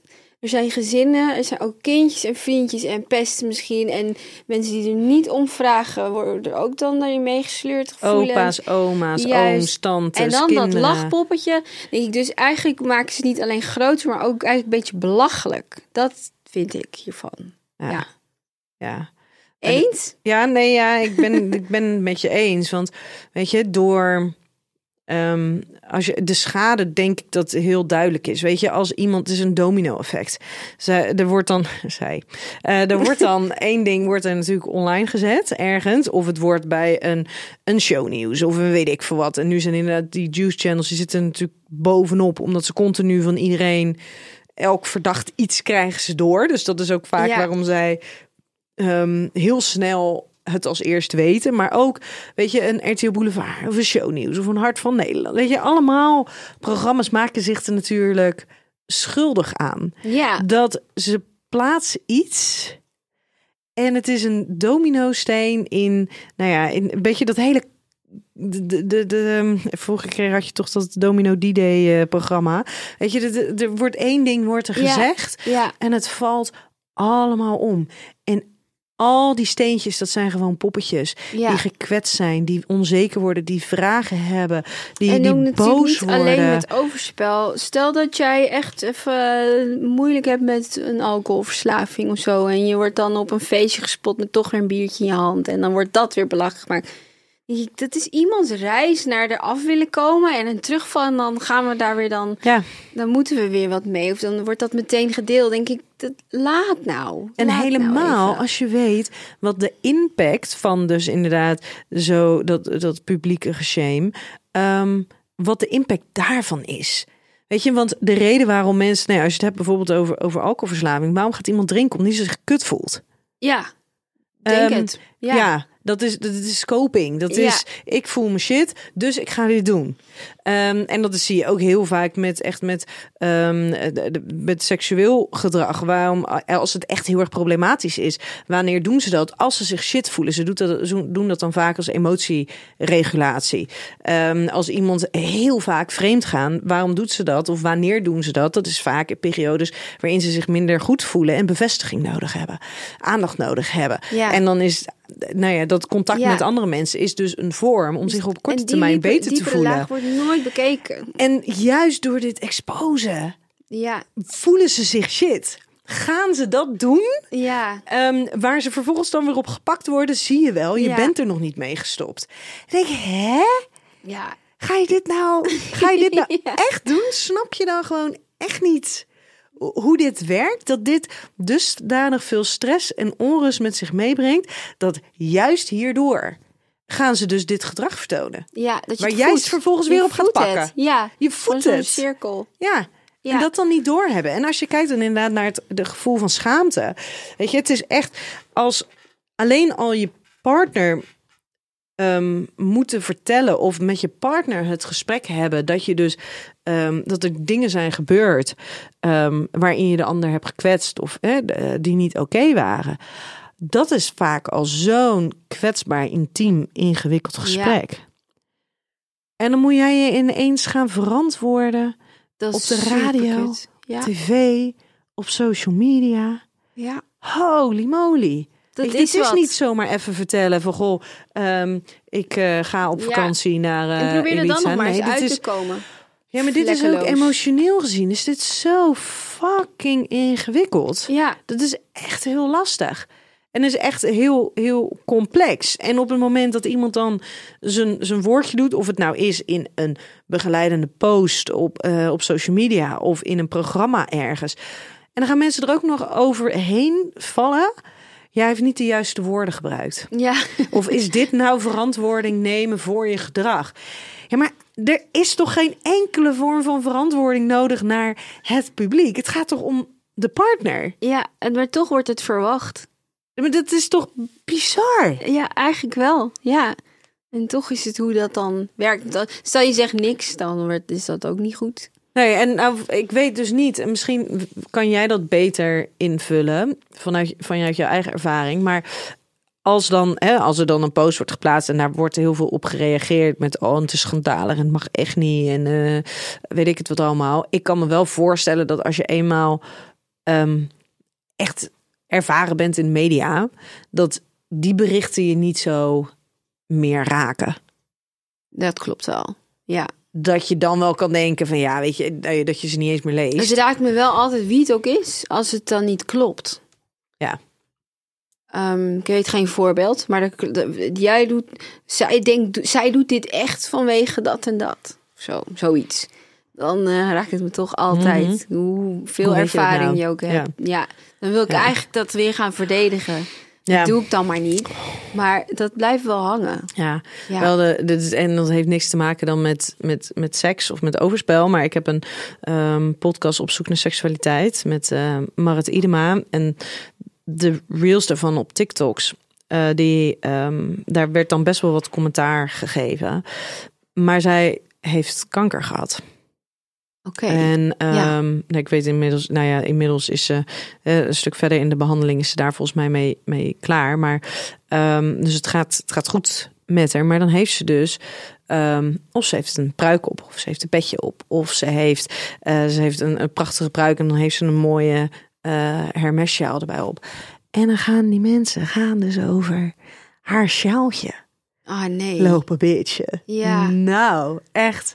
Ik vind dat zo erg. Kan je dan stil blijven of ga je dan daarop in? Ik ben he- helemaal in het begin heb ik daar wel wat over gezegd.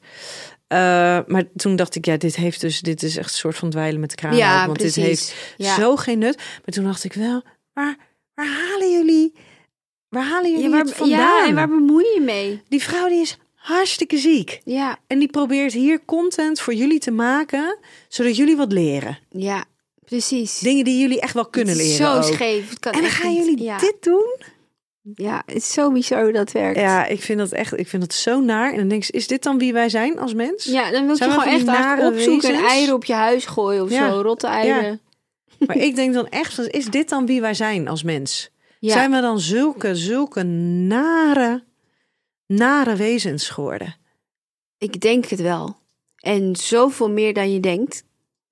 Dat ehm, aan de keukentafel, zeg maar, thuis, dat er echt veel narigheid. Dat is omdat je het niet zo kan zien eh, met je, bij een collega of je buurman of wat dan ook. Maar ik denk, wanneer mensen even het gevoel hebben dat niemand meekijkt, dat er nog heel veel narigheid in het hoofd zich afspeelt. Oh, ik vind het zo, ik vind het echt heel, heel, heel, heel ingewikkeld. Ja, Dat mensen publiekelijk geshamed worden als ze zijn vreemd gegaan, is een kwestie van karma.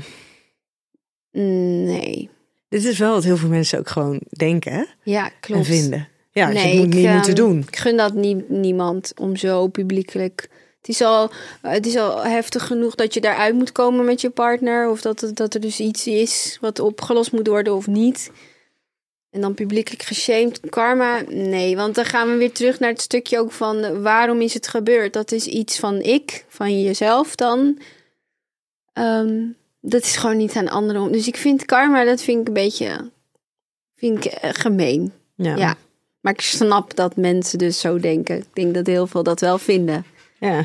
Waarschijnlijk al die mensen die er dus vervolgens op reageren. Ja, Want die denken ook, ja, dan had je maar niet vreemd moeten gaan. ja precies. Elke vorm van overspel moet in haar eigen context gezien en beoordeeld worden. Ja, door wie? Want door de, door de mensen in de relatie zelf, dan zeg ik ja. Ja. Nou ja, ik weet niet wat ik hiervan vind. Dit is een moeilijke. Ehm, ik, ik denk dat beoordeeld worden, dat klinkt ook weer te judgy. Dus misschien toch nee. Niet mee eens. Wat, wat jij? Nou, ik, ik was hem aan het schrijven en toen dacht ik, nou ja, ja. Eh, Verleidelijk om te zeggen ja, want elke vorm van overspel moet haar eigen context gezien worden. Ja, Maar beoordeeld worden. Ja, maar wie ben jij om het dan vervolgens Ja, te beoordelen? Precies. Dus het, woordje, het zit hem in het woordje beoordelen, denk ik. Ja. Als schrijfster is het aan mij om het taboe rondom overspel in stand te houden. Nog één keer? Als... Als schrijfster is het aan mij om het taboe rondom overspel in stand te houden. Dat is toch dat is onzin, toch? Eh, Nee, nee, gewoon no. Heb jij het wel eens over het onderwerp? Overspel? Ja. Ehm, nee, vaak niet omdat het andere... Omdat het niet over mij gaat. En ik vind dat ik me daar niet mee moet bemoeien. Dus nee, ik heb er niet... Ik praat er niet over. Ik heb wel eens een keer een interview over gegeven. Een soort van hypothetische interview. Van wat als jouw partner vreemd zou gaan. Daar heb ik wel eens wat over verteld. Van dan, zouden we daar wel, zou ik niet gelijk vertrekken of zo? Zou ik eh, toch beoordelen? nee, grapje, dan zou ik er naar kijken en hoe dat voelt. En ja, het is niet zo van, oh, hij ehm, gaat vreemd, ik ben weg. Dan heb je, je hebt zoveel moois opgebouwd. Ik zou wel willen weten, wat zit erachter? Als ik erachter zou, als ik zou voelen dat het op was, met tussen, of tussen ons, dan zou ik vertrekken. Maar Ja, maar zou je dan ook kunnen erkennen dat het op was? Ja, ik denk het wel. Als je dat, als daar geen ontkomen meer aan is, dan eh, ja, dat zou kunnen. Maar stel dat je dat niet zo voelt of ervaart, dan kan ik het niet erkennen. Maar als ik het zo, als ik het snap of als hij vindt dat het op is, it, it takes two tango. Je moet wel nog allebei willen, denk ik. Anders dan, ehm, ja, dan gaat het ook niet werken. Nee. nee. Ik ben de hele stelling eigenlijk vergeten. Wat was de stelling? Als schrijfster is het aan mij om het oh ja, je vroeg of ik er wel eens over- praat. Ja, Nee, niet zoveel. Nee. je schrijft er ook niet over en zo. Nee, ik kan wel veel grapjes maken. Over free passes en ehm ehm, hè, Idris Elba mag, vind ik wel dat dat mag. Of Leonardo DiCaprio. Daar maak ik dan grapjes over. Dus ik schrijf dan op die manier erover, Ja. maar niet ehm, Ja, de diepere wel, maar laag. dat is jouw, eh, jouw, jouw, jouw free pass. Ja, ik heb heel veel free passes. alleen heb ik ze dus niet echt. Er zijn het ook mannen die je tegen kan komen. Nee joh, zo Chris Brown en Neymar en al dat soort foute types. Dat zijn gewoon eh, leuke mannetjes om naar te kijken. En dan mag je gewoon lekker naar kijken. mag ik naar kijken. Daar heb ik de free pass voor. Ik mag er volgens mij niks mee doen, helaas. Mooi, dat dan weer niet. Dat dan weer niet. Hey, is er nog iets waarvan jij zegt, nou, met betrekking tot dit onderwerp is echt nog wel iets wat gezegd moet worden? Of voordat wij hem afsluiten? Nou, wat me als eerste te binnen schiet, is dat ik dacht aan relatietherapie. Mhm. Ehm, dat, dat is nu zo, daar heb ik zo'n aanname bij, zo'n gevoel bij van, dat heb ik toch nooit nodig of zo. Zo heel bot beeld heb ik daarover. Van, kan je, en oh ja, en ik heb ook het beeld van series en films. En vaak dat, zit er een grappig element aan. Ehm, dus ik heb een vraag voor jou. Mhm. Is, valt een relatie te redden met relatietherapie? Heeft dat zin? Nou, het mooiste is als je komt voordat hij niet gered moet worden. Oh, een soort van preventief onderhoud. Eh, dat zou sowieso. Nee, ik heb mijn boek heet niet voor niets de relatie APK, het eerste boek wat ik heb geschreven. En dat gaat inderdaad over preventief onderhoud plegen. En dat gaat over gewoon überhaupt je bewustzijn. Hé, maar wat wil ik van mijn relatie? Wat heb ik nodig? Wat zijn mijn verwachtingen? Wat zijn mijn behoeftes? Eh, hoe, hoe is de balans nu? Word ik gelukkig van de manier waarop een Als je relatie nu is te preventief ingedeeld? te werk gaat, dan ga je uh, slapende honden wakker maken. Of... Nou, dat hoeft. Nou ja, ik weet niet of je dan preventief of te hypothetisch. Wat nou als er een keer. Maar ik weet niet. Nou, stel je zit in relatietherapie terwijl Ja. er nog niet echt wat aan de hand is. Ja. En dan zegt je partner wat dingetjes waarvan jij dacht... Oh, dus daar zit jij mee. Ja, dat, is, dat gebeurt soms wel. Maar als jij dan ne- helemaal aan het begin zegt: van ja, je moet dingen niet voor je houden en niet opkroppen. eh, Kennelijk is dat dus wel wat er dan aan het gebeuren is. Ja. En soms wat je dan, zonder dat er dus hele grote problemen zijn, waar je dan wel heel mooi de kans voor krijgt, is dus gaan inzoomen op dingen die dus niet zo relevant lijken, Ja, maar wel blijken te zijn. ja dat die zijn dat een ze- beetje in sluimerstand wel Ja. aan het borrelen. En ja. dat zijn de dingen dat als je ze als ze twintig jaar lang sluimeren, dat je Ja. dan op een gegeven moment denkt wel van ja jeetje, Ja, doe nou eens een keertje normaal. dat het dan ontploft. ja, Ja, ik vroeg me dus dit af omdat we het over taboe hadden, taboes hebben. En ehm, mijn, ik heb dus kennelijk iets in mijn hoofd dat ik zelf een. Ik vind als iemand zegt, nou, die en die eh, gaan in relatietherapie, dan associeer ik dat dus met iets negatiefs. Van Ja. oeh.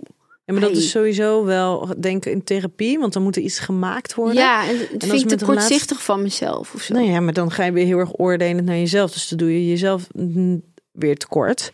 Ja, dus je Ehm, moet dit even Terwijl als je niet weet, grapje. ja, maar terwijl je, als je dus niet weet wat relatietherapie inhoudt of wat het voor je kan doen. Ja. Er zijn best wel wat mensen en die zeggen gewoon, eh, de- de- zonder dat er dus eh, grote problemen zijn. eh, wij gaan ehm, één keer per zoveel maanden gaan we gewoon naar een therapeut. Gaan we gewoon even sparren. Ja. Kijk, want, want iedereen heeft zijn eigenaardigheden.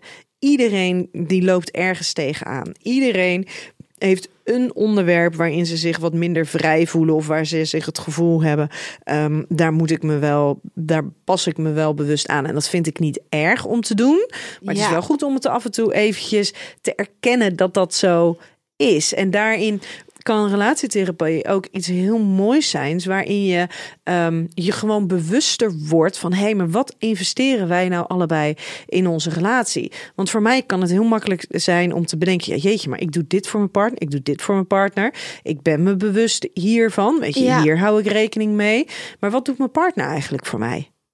Ja, En als je dan dus binnen die context van een relatietherapie je daar bewust van kan worden, dan kan een relatie ook zoveel mooier worden. Omdat je dan ineens gaat zien wat je partner voor commitment toont aan de relatie. ja. Ga je het eigenlijk onder de loep nemen en achter mooie dingen komen. Ja, en Ja. dus over die dingen die niet zo ingewikkeld lijken, maar wel, wel zeker relevant blijken.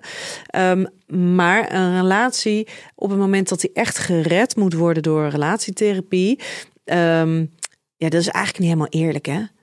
Want wanneer moet er iets gered worden op het moment dat er al zoveel eh, dingen zijn gebeurd? Is al afstand, er zijn al mensen gekwetst, Ja. mensen hebben bewust of al te laat? onbewust al beslissingen genomen. Nou, ik, ik zou het mensen gunnen dat ze iets eerder komen, ja. Ja, En het is, het is niet altijd zo dat ze te laat zijn, hè? Want soms hebben mensen zelf het idee: ik zit met mijn handen in het haar of ik sta met mijn rug tegen de muur en ik kom er niet meer uit en het is waardeloos. En Ja. vervolgens met één, twee gesprekken denken ze ineens: als je alles een beetje in een ander perspectief plaatst, dan Precies. valt het wel mee ja, misschien. Ja, ander Ja. perspectief. Eindelijk de ruimte krijgen om dingen aan te, eh, aan te kaarten. En dat ze dan ineens de ruimte voelen van. Oh ja, maar zo zwaar is het misschien eigenlijk helemaal niet. Of er is wel wat meer perspectief. We kunnen hier wel wat Ja. mee. Ehm, maar dat voelt voor mij dan niet zozeer dus als... er moet hier van alles gered worden. Omdat er dan eigenlijk vrij vaak vrij veel gebeurt al. En dat zie je Ja. dan al gebeuren tijdens de eerste twee gesprekken. Want als jij een stijl hebt waar nooit in bij nooit bij wordt gesproken, ja, als je die ineens aan het praten krijgt, ja, dan komt er van alles Ja. in beweging. Ja, En dan hoef je echt niet hele grote, moeilijke, ingewikkelde dingen te gaan veranderen. is dat al een mijlpaal? Ja. ja. Weet je, dus en dat die mag dan ook echt wel even, even benoemd worden en gevoeld worden. Dus terwijl voor die mensen, die, die, die, nou ja, die zagen niet meer hoe ze er dan uit moesten komen. Ja, dus, Dus dat is ook wel heel mooi. ja, dus mijn definitie van jeetje, deze mensen die moeten echt gered worden. En de definitie van stellen die in therapie komen, die kunnen daar ook nog wel eens anders in zijn. En mijn richtlijn is vaak een beetje, zeker als echt de relatie. Dus dan gaat het ook niet over enkel bijvoorbeeld een seksueel probleem, maar echt een complexe relatieproblemen. Ehm zeg ik altijd met een keer of vijf gesprekken moet er wel, dan kunnen we wat gaan zeggen over, over de beweging die er Ja, wel of niet in zit. Of er al dingen gebeuren, of mensen al tot andere inzichten komen, of ze bereid zijn om in therapie te gaan. ja, In plaats van alleen maar opkomen dagen bij de afspraken. precies. Je moet ook willen. ja. en sommige mensen vinden het echt onwijs leuk. Sommigen vinden het onwijs pijnlijk en Ja, confronterend. En andere mensen vinden het zo gaaf. oh, dat is echt goed om te horen. Dat het Ja. ook dat je dat er eh, dat het ook als leuk kan worden ervaren. Ja, omdat je dus echt eventjes onverdeelde aandacht voor elkaar hebben. ja, En dat je dus de kans krijgt om dingen te vragen en uit te spreken en te ontdekken over je partner. Ik heb ook wel eens een heb ik een soort van individuele sessies met het stel. En dan ben je dus alleen maar aan het praten in principe met de ene. En dan benoem je ook wel even hè, van goh, hey, we gaan nou even de aandacht op jou richten. Maar dan zit dus de partner, die zit erbij en die kijkt ernaar. Maar die ziet en hoort vaak dan dingen ehm, waar ze zich daarvoor helemaal niet zo heel erg bewust van waren. Dus Ja. dat kan ook ontzettend waardevol zijn. ja, een soort van een, een duwtje in de juiste richting en eh, andere inzichten krijgen Ja, van het is super kwetsbaar. ja, Ja, ja. ik vind echt, ik vind het ook veel leuker dan individuele therapie. Wat niks zegt over mijn individuele therapie. Ja, dat vind ik ook leuk en dat waardeer Ja. ik ook. Maar het is altijd heel mooi om te zien wat er gebeurt ja. in de dynamiek tussen, Mhm. tussen dat mensen. kan me wel voorstellen. Ja. Ja, En nu? Zou je nu in therapie willen gaan? Nee, ik merk gewoon dat ik er altijd een beetje sceptisch op reageer over anderen. Dus ik dacht, Ja. waarom is dat, weet je wel? Maar ik Ja. zou zelf nu niet echt per se Ik heb het, ik heb Ik zou het er gewoon echt voor de gezelligheid zitten, denk ik. Ja, ik heb het echt wel eh, gedacht, gewoon vanuit nieuwsgierigheid. Ehm, hoe, hoe zou een ander, of wat zou een, een therapeut denken, zien, in beweging kunnen krijgen in mijn relatie? Gewoon vanuit nieuwsgierigheid. Oh ja. Ja. Lijkt me nou mega interessant. Heb je dat toen gedaan? Nee, niet. Oh, maar je het lijkt me vindt heel het interessant. interessant. Ja. Ja. Misschien Staat- ook door je vak. Ja, maar het lijkt me wel heel tof als je dus tegenover iemand komt te zitten die, die jullie in beweging kan brengen. Maar al- wat als er gewoon al heel veel beweging is? Dan moet er nog meer beweging? Of moet Het er- hoeft ook zeker niet. Ja, Hoeft ook zeker niet. maar ik snap dat je het interessant soms is te kijken van... Wat gaat het doen? Ja. Ja, Wat nou als er, als er, als er meer is? ja. Als, het, als, er, als er meer verbinding kan zijn. Ja, nou, als er leven op Mars is. Dat Ja, is ook zo. ja, ja, ja, ja. Dus we zijn gewoon uit. eh, nieuwsgierig Wat nou als de aarde plat is, hè? Ja. Toch? hey, eh, wij gaan hem eh, afsluiten. Ik vond het heel gezellig. Dankjewel dat En je er interessant. wilde zijn.